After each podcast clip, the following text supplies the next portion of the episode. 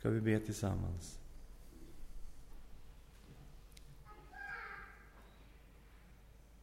Herre, du vet allting om det här ämnet som vi ska tala om.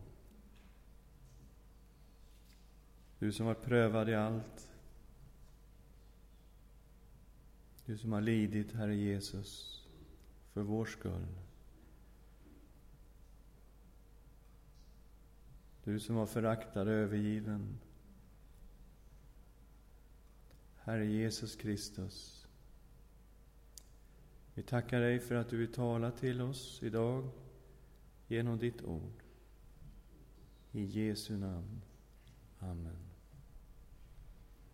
Ja, vi kommer till slutet av saligprisningarna och eh, har valt att ta det här i två delar. Det kunde vara många fler, fyra, fem delar också. Ehm, det här är ett av de största ämnena i Nya testamentet. Eftersom Nya testamentet är skrivet under tider av förföljelse så återgår det här temat i bok efter bok, att lida för Kristus.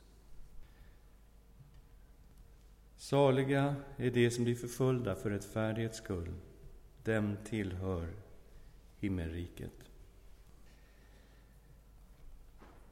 Det första vi ska titta på det är att i Nya testamentet är det normalt för en kristen att lida förföljelse.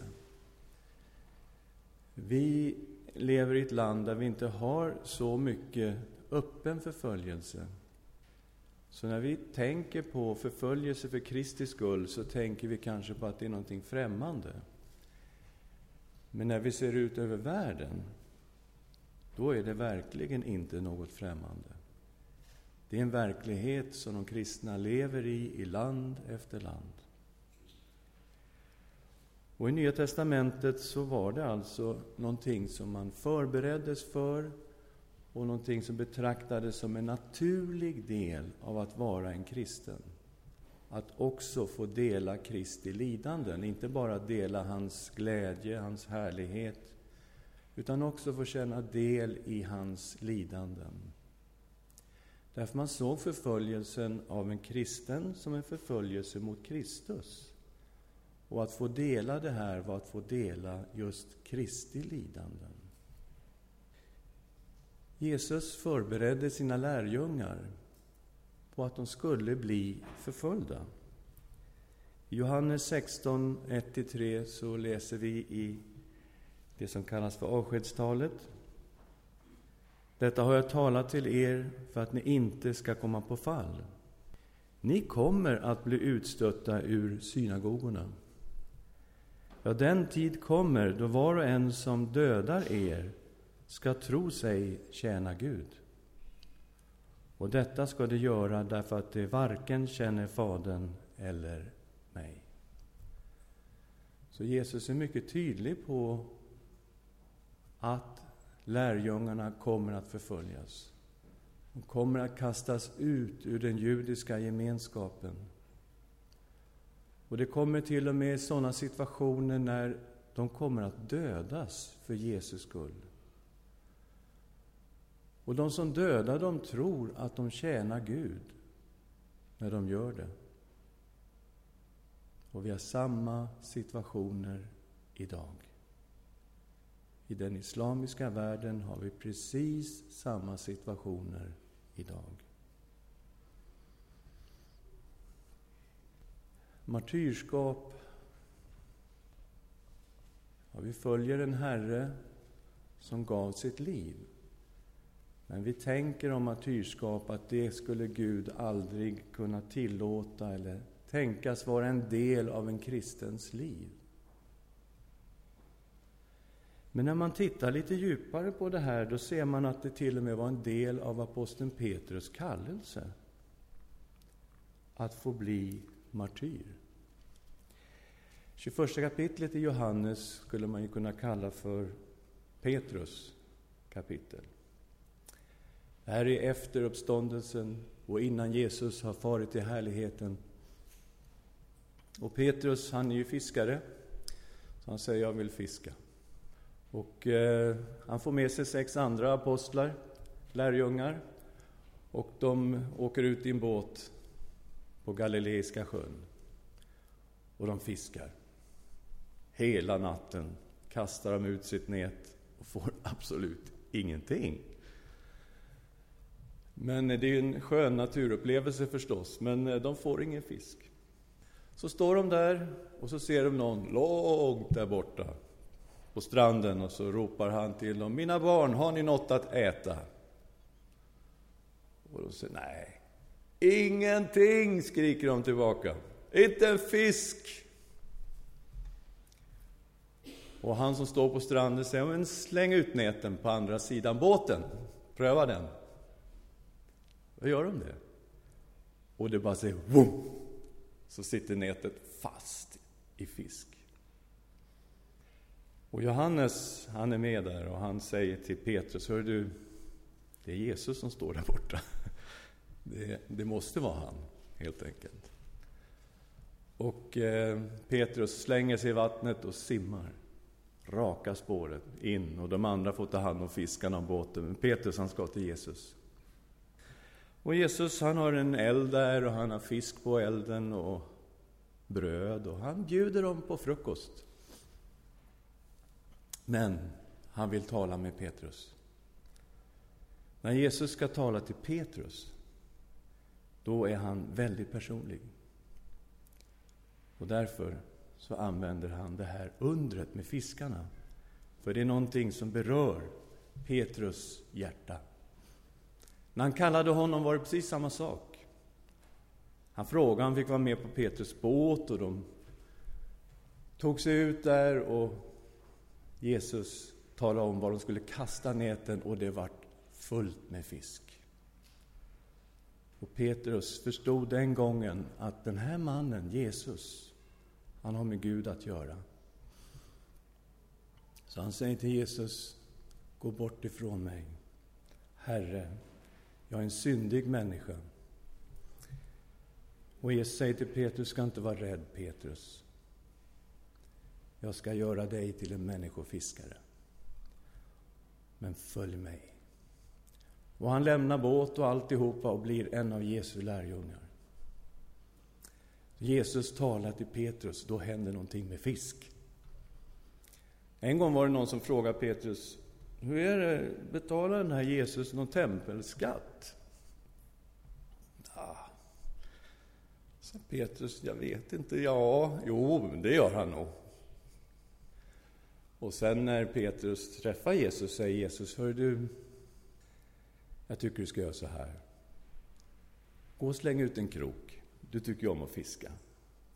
Första fisken du tar upp kommer ha en peng i munnen. Ta den här pengen och så betalar du tempelskatt för mig och dig. Och det är ju så personligt. Jag menar, han kunde ha stoppat handen i fickan och dragit upp ett mynt och gett till Petrus. Det gjorde han inte. Och Petrus som har dragit upp så mycket fisk, aldrig har han sett en fisk med en peng i munnen. När Jesus ska tala till Petrus, då är han personlig. Så här har det hänt ett mirakel.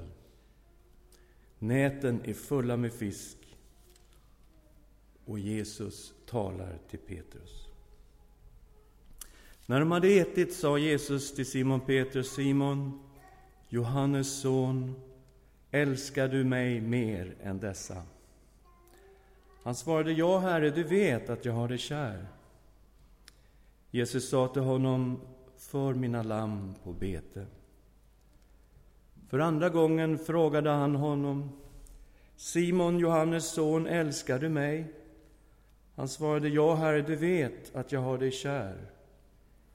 Jesus sa till honom, var en herde för mina får. För tredje gången frågade han, Simon, Johannes son, har du mig kär? Petrus blev bedrövad över att Jesus för tredje gången frågade, har du mig kär? Han svarade, Herre, du vet allt. Du vet att jag har dig kär. Jesus sa, för mina får på bete. Amen, amen säger jag dig, när du var yngre spände du själv bältet om dig och gick vart du ville. Men när du blir äldre ska du sträcka ut dina händer och en annan ska spänna bältet om dig och leda dig dit du inte vill. Detta sa han för att känna med vilken död Petrus skulle förhärliga Gud. Sedan sa han till honom, följ mig. Den här kärleken som Jesus frågar Petrus om tre gånger, den skulle prövas till det yttersta. Älskar du mig? Har du mig kär? Jesus skulle snart lämna sina lärjungar och han gav Petrus ett uppdrag att vara herde för fåren, föda fåren, föda lammen och att leda dem. Därför att det här kommer att bli svårt. Det här kommer att bli förföljelse. Det kommer att kosta jättemycket för den här unga kristna församlingen. Och så får han veta att han en dag ska få lägga ner sitt liv för Jesus. När han var ung gick han vart han ville. Men när han blir gammal, då kommer det en dag när en annan kommer att spänna bältet om honom och leda honom dit där han inte vill. Han kommer att få sträcka ut sina händer. Och det var inte långt tidigare han hade sett sin Mästare och Herre, den som han älskade överallt, sträcka ut sina händer på korset och ge sitt liv.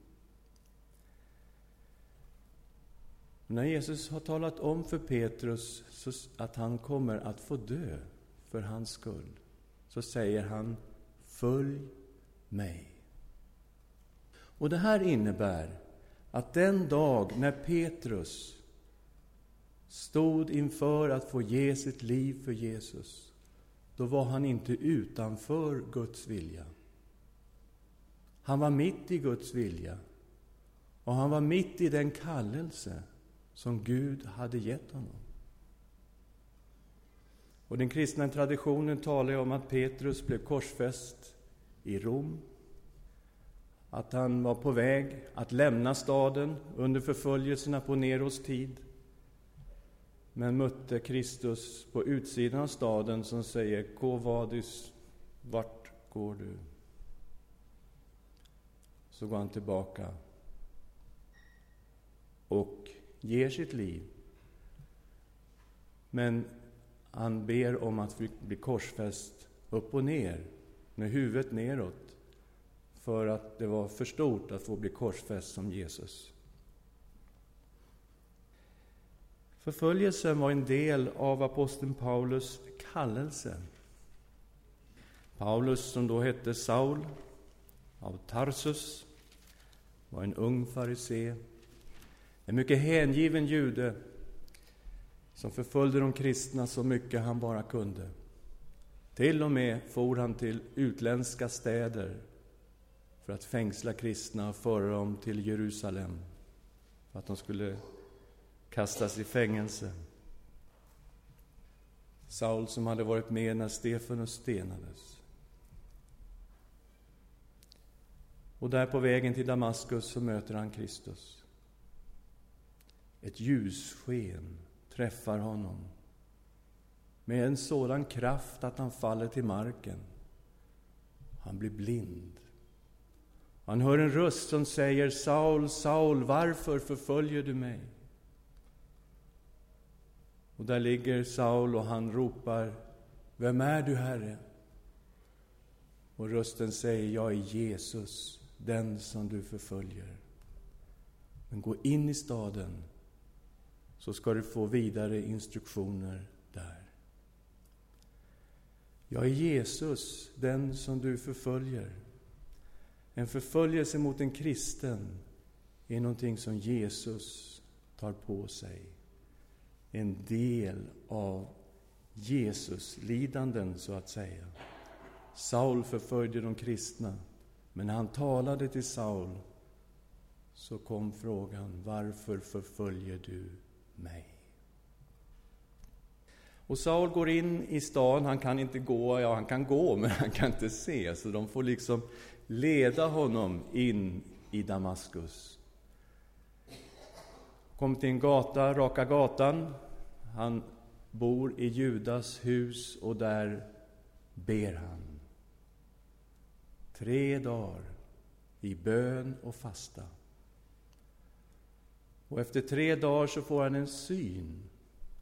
Han ser en man som heter Ananias som kommer till honom och som ska lägga sina händer på honom och hans ögon ska öppnas.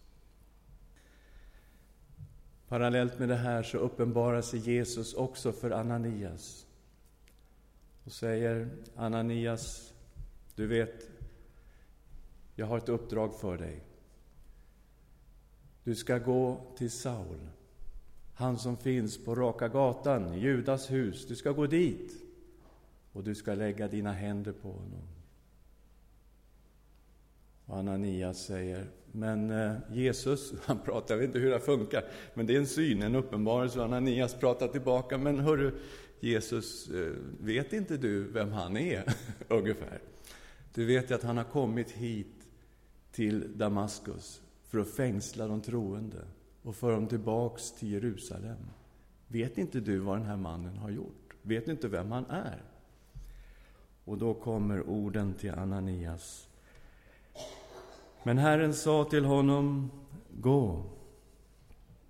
Han är ett redskap som jag utvalt för att bära fram mitt namn inför hedningar och kungar och inför Israels barn. Och jag ska själv visa honom hur mycket han måste lida för mitt namns skull. Lidandet var en del av Paulus kallelse. Han fick en kallelse att föra fram Jesu namn inför kungar, inför hedningar och inför Israels barn. Det var hans kallelse. en del av den kallelsen var jag ska visa honom hur mycket han måste lida för mitt namns skull. Och faktum är att Paulus kunde inte vara trogen sin kallelse utan att lida förföljelse. Det gick inte. Det var omöjligt.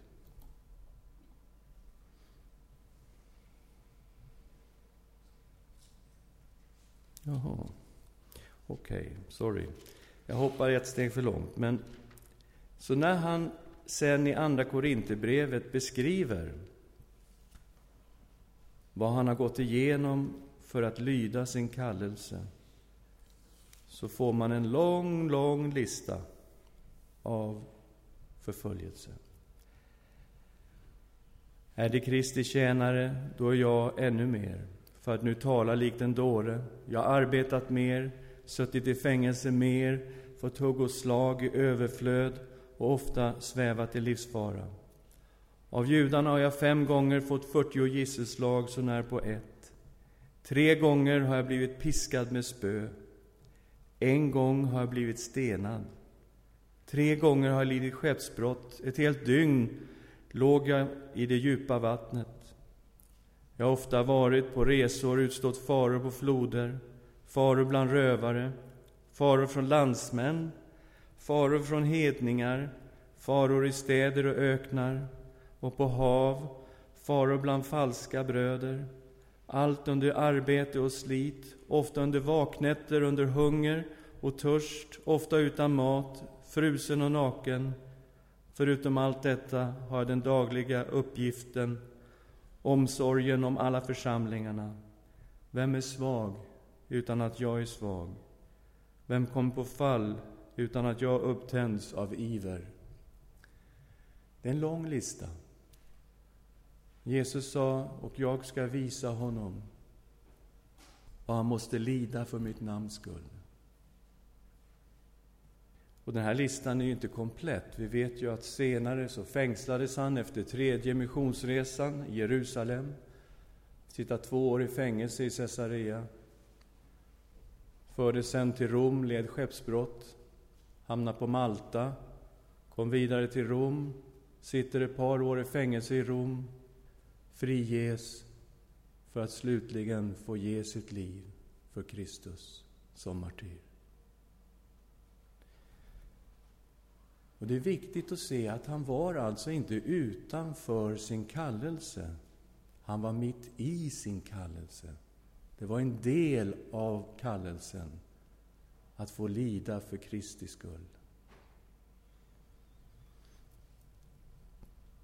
Ja, men det här var ju apostlarna.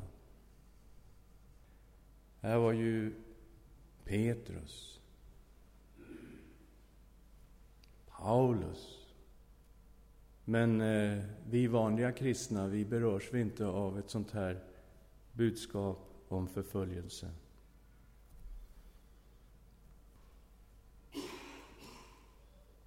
Vi ska se vad aposteln Paulus säger i Andra Timoteusbrevet kapitel 3, vers 12. Så kommer också alla som vill leva gudfruktigt i Kristus Jesus att förföljas. Alla som vill leva gudfruktigt. Inte några få, inte några som har väldigt mycket otur när de blivit kristna, utan alla. Det är alltså normalt för en kristen att lida förföljelse. Och jag tror att jag vågar utmana dig och säga Lev gudfruktigt i Stockholm 2006 och du kommer att möta förföljelse. Profeterna i gamla Israel, de talade ut mot synden, mot ondskan i alla dess olika former i Jerusalem, i Israel. De blev förföljda. De som lever gudfruktigt i ett ogudaktigt samhälle kommer på något sätt i konfrontation med ondskan. De som står upp för sanningen mitt i lögnen kommer i konfrontation. De som står upp för det rena och det heliga mitt i det oheliga och det orena. De som vill leva gudfruktigt och leva ut det på ett tydligt sätt kommer att lida förföljelse. Den som står upp för Jesus kommer att lida förföljelse. Och då får vi säga att eh, om vi inte känner oss delaktiga i det här, då är det vi som är då kanske på den onormala sidan.